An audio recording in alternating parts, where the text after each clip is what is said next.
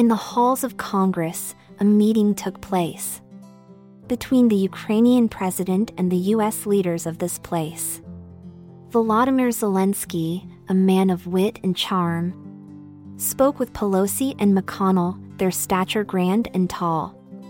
They discussed the issues facing their nations with hearts full of fire. Zelensky, a man of reason, sought to inspire. Pelosi and McConnell listened with great care for they knew the strength of their nations lay in the bond they share. Together, they stood for justice, for liberty and peace.